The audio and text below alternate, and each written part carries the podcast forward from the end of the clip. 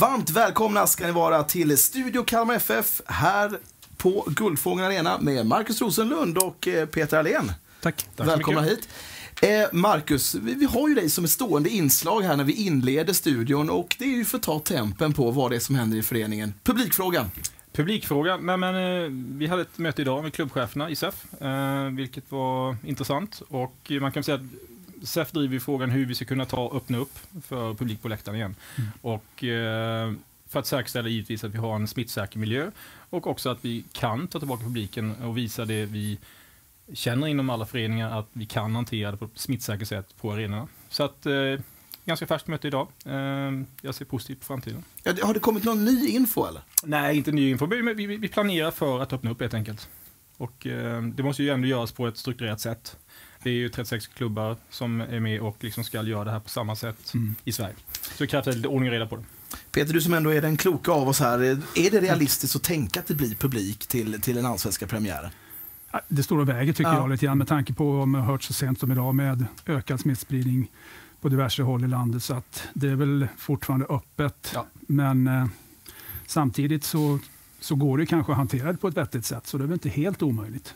Och framförallt den dagen det blir aktuellt för öppning, att vi då har en bra plan på hur vi ska mm. öppna. Jag tror det är det viktiga, att vi förbereder oss för det. Hur ska man ta in folk och hur man beter sig på arenan med mer.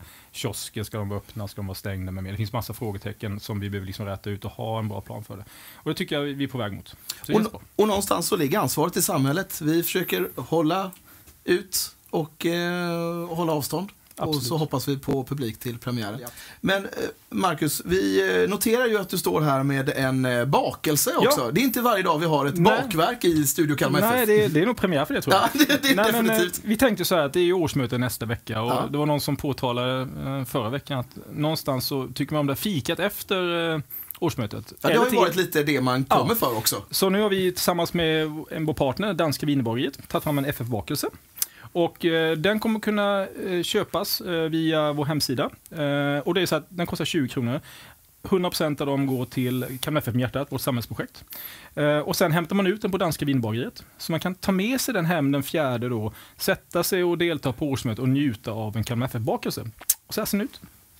Mycket fin. Ja. Och det är ju, eh, jag noterar att det är ju eh, första torsdagen i mars yes. som det här årsmötet är, alltså ja. det vill säga liksom Smålands nationaldag. Mm. Vad passar sig inte lämpligare än en eh, bakelse? För det är ju lite marsipan där. Det är marsipan, den, den gröna ytan i botten där, gräsplanen är ju marsipan. Mycket bra. Mm. Eh, och eh, det här med Kalmar FF hjärtat, det tänker vi att vi ska prata lite mer om mm. eh, när Jon Björklund kommer hit och, mm. och gästar oss och eh, eh, även Agne Bergvall. Eh, om du kort bara får reflektera, FF med hjärtat, hur, hur, mycket av din tid går till FF med hjärtat? Nej men det är lite, det går tid varje vecka till det. Uh, Jon kommer ju prata mer om uh, hela projektet när han kommer in, men det blir saker utifrån vårt samhällsengagemang och, de, och även partnerdiskussioner där de vill vara med i Kalmar FF Hjärtat och bidra till att vi faktiskt gör bra saker för Kalmar och närområdet Kalmar. Så att det går viss tid varje vecka. Super. Mm. Tack så mycket Marcus för att du kom hit. Och eh, vi hoppas att eh, alla ni som har anmält er till årsmötet också anmäler er för att hämta en sån här eh, fantastisk bakelse signerad Danska Wienerbageriet. Och skänka pengar till eh, Kalmar FF med hjärtat. Just det. Till samhället. Mycket Samhällsnytta. Bra. Efter pausen är vi tillbaka med Agne Bergvall. Inslaget presenteras av Ålems Sparbank. Vi säger välkommen in till studion, Agne Bergvall. Tackar, tackar. Eh, så gott att ha dig här. Beskriv, vad gör du i den här föreningen egentligen? Jag försöker att eh, se till att våra A-lagskillar är så väl förberedda som möjligt för att eh, kunna prestera ute på plan. Eh, med de fysiska delarna i det hela. Eh, jag ska väl eh, finnas med bakom utan att synas och bara skapa grundförutsättningarna helt enkelt. Det är väl min stora uppgift. Jag tycker, kan vi inte börja lite med din bakgrund? Är du fridrottare i grund och botten, eller vad är din, eh, din historia? Ja, jag höll på med friidrott fram till jag var 22 år gammal. Hade väl gjort en massa misstag eh, som aktiv själv, eh, men älskade idrott. Så att eh, från min 22-årsdag egentligen när jag slutade där så klev jag in i tränarskapet, började med friidrott och sen så eh, har väl egentligen jobbat med all idrott eh, som fys, men eh, på något sätt ändå i grund och botten så har jag jobbat med friidrotten hela vägen igenom. Men eh, sen 94 har jag jobbat med fotboll. Så att, eh, funnits lite här och var och nu har hamnat här under de här åren. Har, har du några andra projekt förutom FF? Eh, ja, oh ja, eh, jag driver ju ett, eh, tillsammans med en kompanjon ett företag i Växjö som heter High Performance Center.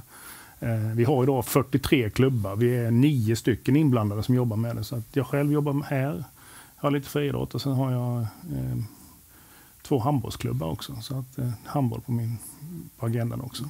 Hur länge har du varit aktiv i Kalmar FF? Ja, nu denna sista svepet så är det ju eh, andra året. Mm. Jag var med förra året eh, under Nannes regi mm. där. Och eh, vi har fortsatt här med år två. Jag hade ett svep under ett års tid under eh, Hans Eklund-tiden. Men det var, blev ett år där. Men, så att nu är det två år. Så förhoppningsvis så kan vi få bygga någonting på lite längre sikt. För långsiktighet är oerhört viktigt i träning oavsett vad det gäller. För du jobbar mer med de liksom fysiska förutsättningarna eller är det, är det kopplat någonting till rehabilitering och skador också? Eller? Um, ja, både ja och nej. Um, till att börja med så brukar jag säga att blanda inte in mig i fotbollen för det begriper jag inte. Men nej. förhoppningsvis så begriper jag vad det krävs för fysiska kvaliteter för att kunna vara där ute på plan. Uh, sen blir det oundvikligt med tanke på uh, att fysen och rehabdelen uh, hänger delvis ihop. Så att mm. man får ju, jag jobbar ganska mycket ihop med TJ, Thomas Johansson också i de delarna. Eh, så självklart, men eh, förhoppningsvis så ska jag jobba så lite som möjligt med rehabdelar. Vi ska ha folk friska. Eh, skillnaden kan man väl säga, om vi tar friidrott och, och fotboll, så, så oftast en friidrottare ska ju vara som bäst vid ett specifikt tillfälle. Och här måste vi bygga att så många som möjligt är tillgängliga egentligen hela säsongen igenom. Sen vet vi att det kanske inte alltid blir så. Vad finns det för gemensamma nämnare mellan friidrottsfys och fotbollsfys och olikheter för också? Eh, till att börja med så hatar jag ordet eh, fotbollsfys eller friidrottsfys eller eh, en fotbollsklubb som hade anställt en fotbollspsykolog nu. Så I så fall får jag ha väldigt många rader på mitt visitkort med tanke på att jag jobbar på olika idrotter. Det är fys. Mm. Eh, de fysiska egenskaperna ser helt och hållet likadant ut oavsett vad du håller på med för idrott. Eh, Sen skillnaden är kanske att eh, vi måste ha en bas att stå på och vi kanske inte kan spetsa kvaliteterna riktigt så mycket som man kan göra i, i friidrott. Utan att vi måste hålla en nivå där, där belastningen tål hela tiden. Det finns ju de i det här laget som är otroligt snabba. Men vi kanske inte ska utveckla dem till att bli optimalt eller maximalt 100% snabba, för då är det stor risk för att de går sönder. Så det är kanske bättre att de är lite, lite, lite, lite långsammare än vad de skulle kunna vara som allra, allra snabbast. Men det är bättre att vi kan använda dem hela vägen. Mm. Eh, jag ser det väl ganska annorlunda idag. När jag klev in i fotbollen 94 så lyfte jag egentligen över fredagsträning i fotboll. Mm. Det lärde jag mig ganska snabbt att det funkar inte. Eh, däremot så ser kravbilden ganska annorlunda ut idag än om vi bara backar tio år i tiden. Det går otroligt mycket snabbare. Ehm, du har en betydligt högre belastning. Så att man måste vara mycket, mycket smartare i sin träning och kanske lägga mer tid och kraft på att utveckla de fysiska kvaliteterna med tanke på hur fotbollen ser ut. Mm. Jag tänker på det, för Kalmar har haft en historia av haft mycket skador genom åren som man inte har lyckats bryta. Och de hade 70 procent i närvaro i fjol mm. och har startat den här säsongen på ungefär samma nivå. Mm. Vad är det du ser när du ser det här? Eh, till att börja med så... Eh, jag tycker det är så tråkigt att behöva säga det egentligen, men den vanligaste orsaken till en skada är en tidigare skada. Mm. Har man med sig en, en skadehistorik så tar det tid eh, att eh, Eh, komma ur det, den, eh, den onda spiralen. Ehm, eh, det finns, om vi ska se positiva delar, för vi, det började byggas väldigt, väldigt bra förra året under en Annes ledarskap i, i, och träning. Så att det finns många bitar där att ta med sig. Ehm, vi har kunnat gå vidare därifrån i år att både ur testsynvinkel och koll med eh, allt ifrån eh, puls, eh, mjölksyratester och så vidare. Och så vidare att vi har koll på hur det ser ut och har kanske ändå mer koll på läget. För att ju mer man vet desto lättare är det att kunna hantera det. Um, sen är det ju också så här att uh, spelare vill ju spela fotboll och det är ju, ligger ju i sakens natur och det är underbart, det är fantastiskt.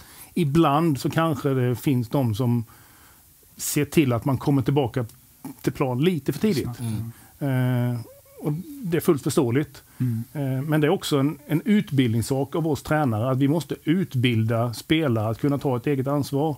Och Det ser jag också som en stor del och viktigt eh, i min roll att kunna hjälpa till att ut, utveckla att de, att de känner och vill själva. Hur känner du att statusen är idag i truppen rent fysiskt? Eh, jag tycker att den ser i grund och botten väldigt bra ut. Eh, tar litet steg hela tiden. Eh, sen är det ett antal då som dras med gamla skador mm. och som eh, och där låt det få ta tid, ha tålamod. Låt dem få chansen att rehabilitera sig och komma tillbaka. Så vi inte jagar dem eh, fram för snabbt i det här fallet. Mm. Um, det finns ju ett antal som faktiskt tog ett jättesteg och som uh, har hållit sig friska som tidigare har haft en lång en bakgrund av skador. Ja, ta en sån som Filip som hade stora problem. Han, mm. han var frisk hela förra året. Han uh, håller ihop på ett väldigt bra sätt.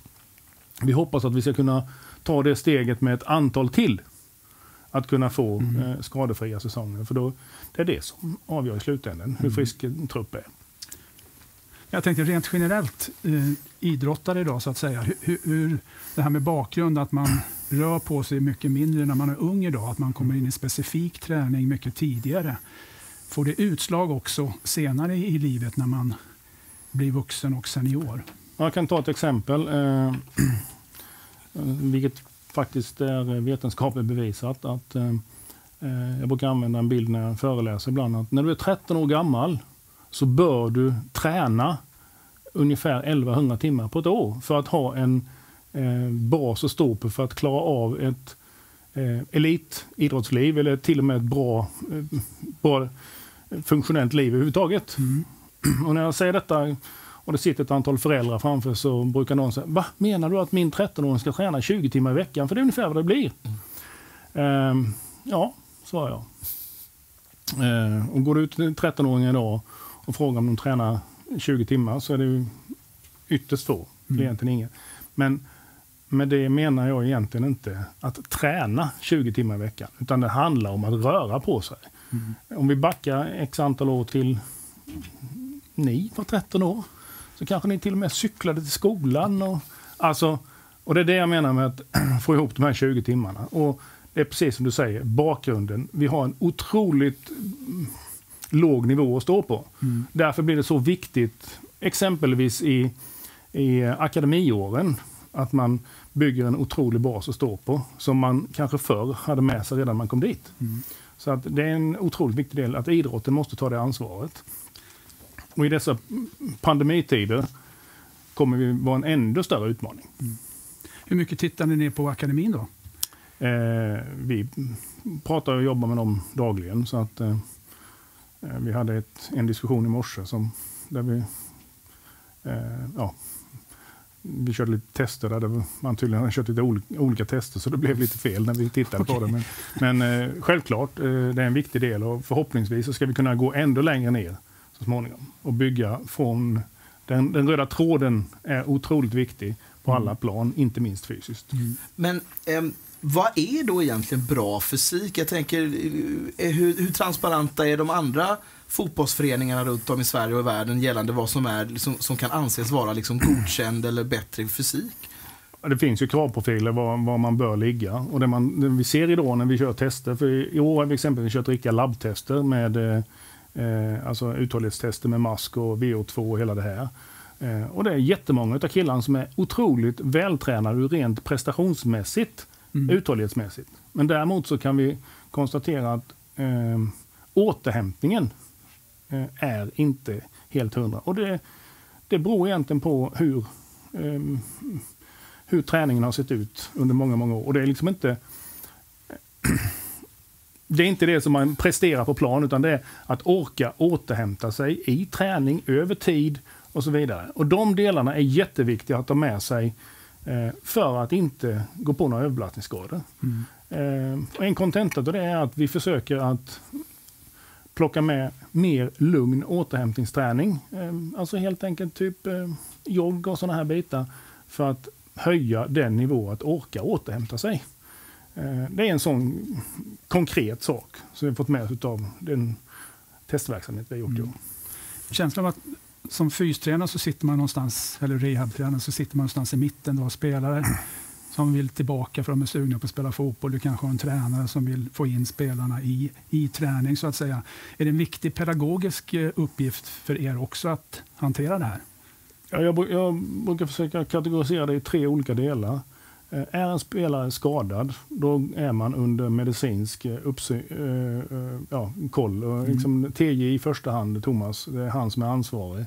Då ligger ansvaret där, punkt. Eh, steg två, att medicin och fys, i det här fallet jag, att vi jobbar tillsammans och tar nästa steg. Och tredje steget är egentligen att från fys till, till eh, fotboll. Ehm, och Eh, det jag tycker har fungerat otroligt bra är att det är en mycket, mycket god kommunikation emellan och ett förtroende eh, mellan olika delar. Eh, det har man väl varit inblandad lite då och då i lite föreningar där, där enda frågan har varit när spelar han eller hon? Mm. och så är det inte här, utan här är det en kommunikation. sen är vi å andra sidan i slutet på februari vi får se hur det inte blir när vi börjar närma oss eh, seriestart. seriestart ja. eh, det är kanske en annan sak, men ja. hittills i alla fall så känns det som att det är ett gott förtroende och vi, vi tar små steg hela tiden. Men vi, vi har en liten väg att vandra fortfarande. Mm om du får vara lite kritisk, vad, vad, skulle du vilja ha i din verktygslåda mer för att kunna liksom utföra eh, ett, ett optimalt liksom, fysarbete? Jag tänker på liksom, de här tekniska resurserna och mycket sådana här hjälpmedel som finns nu. Vad, vad är det senaste liksom, när man tittar på att mäta fysik? Det finns ju hur mycket, det finns ju hur mycket utrustning som helst man kan ha. Eh, jag tror att, eh, jag känner att vi egentligen har det vi önskar och behöver idag. Eh, vissa saker kanske vi skulle ha mer på plats här, men det, det, det finns alltid tillgängligt på ett eller annat sätt. Eh, sen är det ju så här att 95 fall av 100, eller 99 fall av 100, så det tränaren ser ute på plan, eller det man ser i gymmet, eller vad man än ser, det stämmer. Eh, jag vill mer ha att den eh, pulssystem och så vidare som vi använder, det är ett hjälpmedel för att pedagogiskt kunna tala om för spelaren svart på vitt att så mm. här är det. Mm. Eh, eh, det är otroligt, eller det är så att eh, känslan som tränarna har, den stämmer. Men kan man bara liksom ett pedagogiskt mm. sätt på vägen ge dem eh, rätt redskap så, så har vi också spelarna med oss. Mm. Agne, vi ska få släppa ut dig på gasten här, för vi vet att du ska ut till, till eh, grabbarna. Vad, eh, vad ska du göra när du kommer ut? Vad, vad är din uppgift idag? Nej, då har jag väl egentligen bara en eh, kolluppgift och se lite. Jag kommer väl antagligen springa omkring med paddan och se vad de har för eh, hastighet och puls på ja. träningen, så jag kan gnälla på dem om de springer för sakta eller springer för fort. Vilket otroligt kul jobb! Ja. Tack så mycket Agne för att du kom hit och berättade om föreningens fysarbete. Tack. Viktigt. Tack! Efter pausen blir det Jon Björklund och Kalmar FF med hjärtat. Inslaget presenteras av Ålems Sparbank.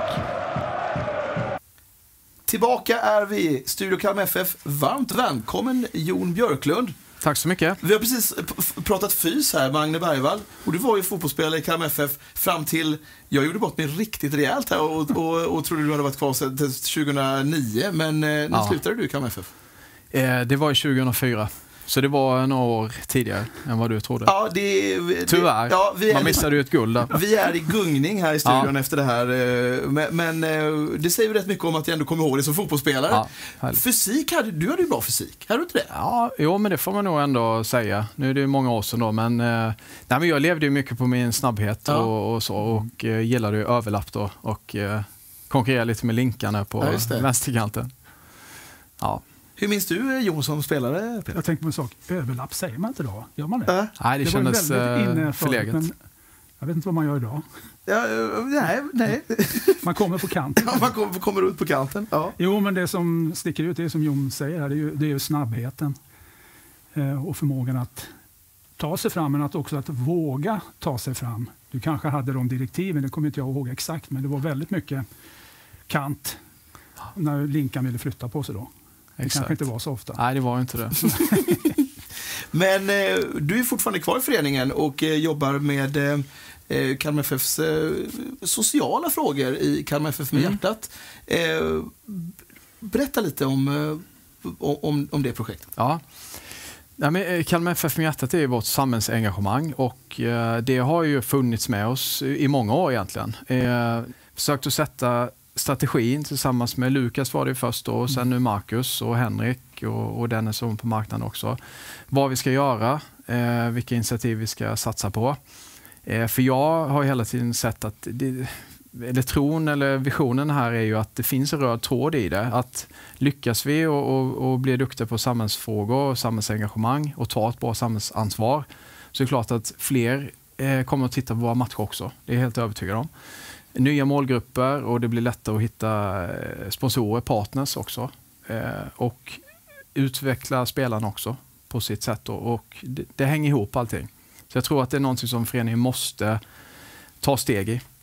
Så att vi, vi har mycket på gång och en del av de sakerna landar vi ändå in 2020. Jag berätta lite om, om projekten som har varit och som är på gång. Eh, ja, det som vi är mest stolta över tycker jag under 2020 det är ju högläsningen som är ett initiativ som Victor Elm eh, hade med sig från Holland egentligen då, som vi tog upp. Och, eh, spelarna har ju varit ute eh, så ofta det har gått under 2020 att vara ute och, och träffa skolklass och, och eh, högläsa helt enkelt. För att det pratas så mycket om eh, förebilder inom eh, läsningen helt enkelt. Då. Och det, det finns ju väldigt bra förebilder i A-lagsspelarna då. Så där känner vi att vi verkligen kan göra en samhällsinsats. Och den, när det inte har gått att vara ute så har vi ändå kört lite eh, digitala eh, läsningar och eh, nu förra veckan så hade vi boktipsen härifrån studion då, som vi skickade ut till alla skolor i eh, Kalmar län faktiskt. Vilka eh, åldersgrupper handlar det om? Ja, men det, och det är viktigt att säga egentligen att vad, för att vi har precis haft en eh, genomgång, en workshop med spelarna. Då. Vad är Kalmar FF med hjärtat egentligen? Vi är ganska många nya spelare då. Eh, vår eh, målsättning är att vi ska hjälpa barn och unga att få en bra start i livet. Då. Mm. Så att, eh, framförallt så är det ju låg, mellanstadiet, högstadiet. Men vi har även initiativ som riktar sig till eh, ja, de som är lite äldre. Då. Mm. Du har ju eh, jobbat ganska länge med de här frågorna i föreningen, eller liksom krigat för att föreningen ska lyfta fram de här Mm. frågorna. Och nu har det ändå kommit fram till ett läge där, där eh, ja, men media har börjat prata om det Mm. och att det har blivit liksom en självklarhet med Kalmar FF för hjärtat. Eh, du sa precis nu att du hade pratat med A-laget om projektet. Hur, hur gick den eh, dialogen? Eh, Fick du någon respons? Ja, men det, det tycker jag verkligen. Eh, Viktor Elm och jag hade en, eh, dels en prestation om, om, för att det är ganska många nya som sagt in och vi har inte hunnit träffa spelarna så pass mycket under 2020 heller. Eh, men, så att dels gick vi igenom vad Kalmar FF med hjärtat egentligen är och att det är otroligt viktigt att de har den grunden att stå på för att de är ju också delaktiga och ska bli ännu mer delaktiga i det. Så det var väldigt bra respons på det. Och sen har vi ju startat igång ett projekt idag då som eh, vi kallar Tänk om nu och det är ett samarbete med just eh, initiativet Tänk om nu eh, som eh, Helena Holmgren har startat. Då. Och det handlar egentligen om att eh, man eh, ska lära känna varandra bättre och få välmående team och eh, i förlängningen då också välmående klasser för att vi vill ut och berätta om det här. Att vi är olika som människor, att vi har egenskaper som ibland är förmågor och ibland sårbarheter. Och eh, det är ofta sårbarheterna som är det svåra då. Och det pratas kanske inte så mycket om i, i de här miljöerna heller, för det är mycket yttre förutsättningar. Eh, man är duktig på, eh, man har en bra vänsterfot eller man är snabb eller något sånt. Det är inte så mycket om vilka egenskaper har du och de inre, inre förutsättningarna. Då. Så det vill vi liksom jobba med spelarna och förhoppningsvis att de blir ett bättre lag, ett bättre team. Och att vi sen kan ta med det ut till skolklasserna då. För att de också ska bli ett, eh, ett bättre lag eller bättre klass. Då. Ja, jag tycker det är otroligt bra att föreningen tar tag i det här på ett mycket mer tydligt sätt än vad man har gjort innan. Mm. Eh, Jag har ju sett hur IFK Kalmar har jobbat under, under många år och hur de har träffat rätt. Inte bara inne i föreningen utan också externt, vilken respons de har fått för Ja. sitt arbete. Så det finns ju jättemycket att göra. Och det finns väl det är bara fantasin som ja, sätter och Det är det som är lite utmaning för oss ja. också. Att, att uh, verkligen rikta in oss på saker som vi, vi tror på och som vi kan genomföra. För vi har inte så mycket resurser just nu. Uh, nu har vi fått in Viktor också som, som jobbar med det nu när han har lagt skolan på hyllan. Och vi, gör, vi, vi har haft som målsättning att försöka göra saker som vi kan leverera ganska snabbt ut i samhället och eh, som kan få ganska stor eh, ja, vikt i, på olika sätt. Och där är högläsningen en sån del. Och eh, vi har även ett samarbete med arbetsmarknadsenheten Kalmar kommun då, och eh, Arbetsförmedlingen som vi kallar Startelvan. Som vi körde en sån omgång eh, under 2020. Där vi hade 11 stycken, lite fyndigt då, mm. eh, deltagare som var här faktiskt på Guldfågeln Arena under åtta veckor och jobbade enligt arbetsmarknadsenhetens metodik och sådär. Men där vi kunde hjälpa till på olika sätt genom att spelarna var där och berättade lite om målsättningar och hur det är i, att ha motgångar i livet och sådär, för det har ju spelarna också haft. Och sen lite olika typer av föreläsningar där vi också fått med oss partners eh, in som har gjort eh, föreläsningar då för att bygga eh, kunskap hos de här deltagarna. Hur har responsen varit ute till exempel skolorna, mottagandet? Nej, men det är ju fantastiskt, så är det ju. Och, och det är ju jag menar, det, barnen är ju jätteglada över att få ut eh, spelarna och de är ju jättestora förebilder. Så alla eh, klasser har ju varit med på rasterna och spelat fotboll och, och hänger lite med spelarna på olika sätt. Så det är ju det är så det är. På tal om det här med förebilder, det är där vi kan göra någonting, till mm. exempel med läsningen. då. Det, läser en A-lagsspelare Kalmar FF, ja men då kanske det ökar chansen till att man faktiskt tar upp en bok när man kommer hem då och börjar läsa. Så att det är ju enorm respons då. Mm. Och spelarna växer ju som människor också. Absolut. Eh, jag tänker, du har ju ändå varit en, en, en sväng i, i, Norge. Har du plockat eh, det här eh, från, från, från Norge? Eh, inte så mycket. Jag pratade faktiskt med Oliver Berg om det idag. Då. Eh, att, och det var en del av den presentationen som jag hade idag. Att det är intressant att det händer mycket efter ens karriär. För att då blir det mycket ledarskapsutbildningar mm. och medarbetarsamtal och målsättningar och uppföljningar på olika sätt. Och all, alla de grejerna skulle man egentligen haft eh, när man var 20 år. Då. Mm. Och jag pratade en del med Douglas Bergqvist om det som har varit fem år i Östersund när de har jobbat mycket med eh, spela teater, gått utanför sin comfort zone, hur mycket det har betytt för hans karriär. Eh, så där har vi också en eh, en väldigt bra eh, värdefull resurs i Douglas egentligen. Då. Så, mm. att, så att, nej, men det, det är inte så mycket under min karriär, eh, så, dessvärre. Men nu så ser jag en fördel med att kunna i alla fall då delge lite av de tankar och idéer som man har fått med sig då efter karriären. Behöver ni hjälp i det här på något sätt? Ja, men nu, och, och, det har varit en del av strategin också. Att, eh, liksom, hur ska vi få ut det rent kommersiellt också? För att vi, vi behöver ju få in eh, partners på olika sätt. Då. Så att nu har vi delat upp det så. Och det är ju Marcus och, och gänget på marknaden också som, som jobbar med det. Men eh, att man kan vara, eh, bli huvudpartner till Kalmar FF med hjärtat och sitta med en styrgrupp. Där man har ett möte i kvartalet och, och gemensamt då forma det här på olika sätt. Och Sen har vi de här grundinitiativen som vi jobbar med, men att man kan vara med som huvudpartner och styra det arbetet. Då. Så då har vi några klara och vi hoppas på i alla fall fyra stycken. Där. Två är väl klara tror jag. Eh, och Man kan bli kategoripartner också och stödja till exempel högläsningen eller startelvan eller eh, Tänk om nu-projektet som vi precis har startat idag. Då. Och kan man rent praktiskt också kunna vara med och hjälpa till på något sätt?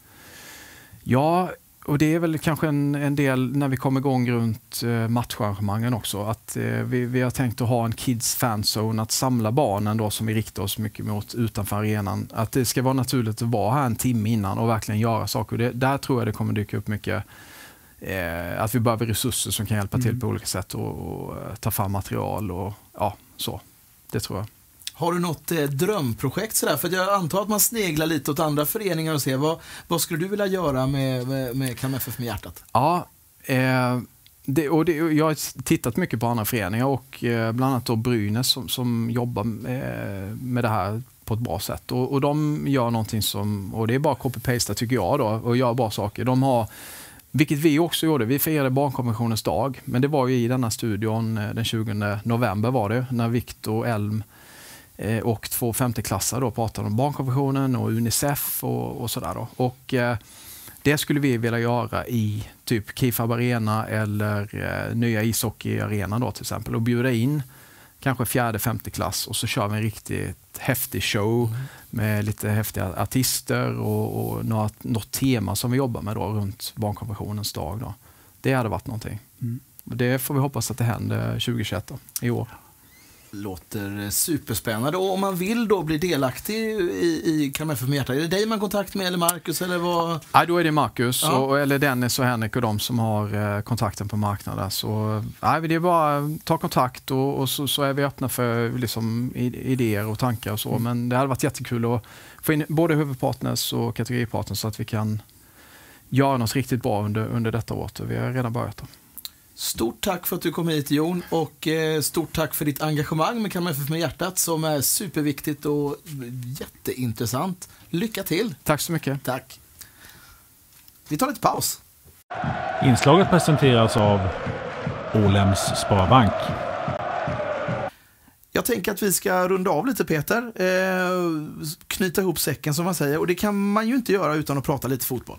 Ja? Verkligen inte. Vad, vad, eh, du såg matchen mot eh, eh, Umeå ja. i söndags. Yes. Vad, eh, vad tyckte du?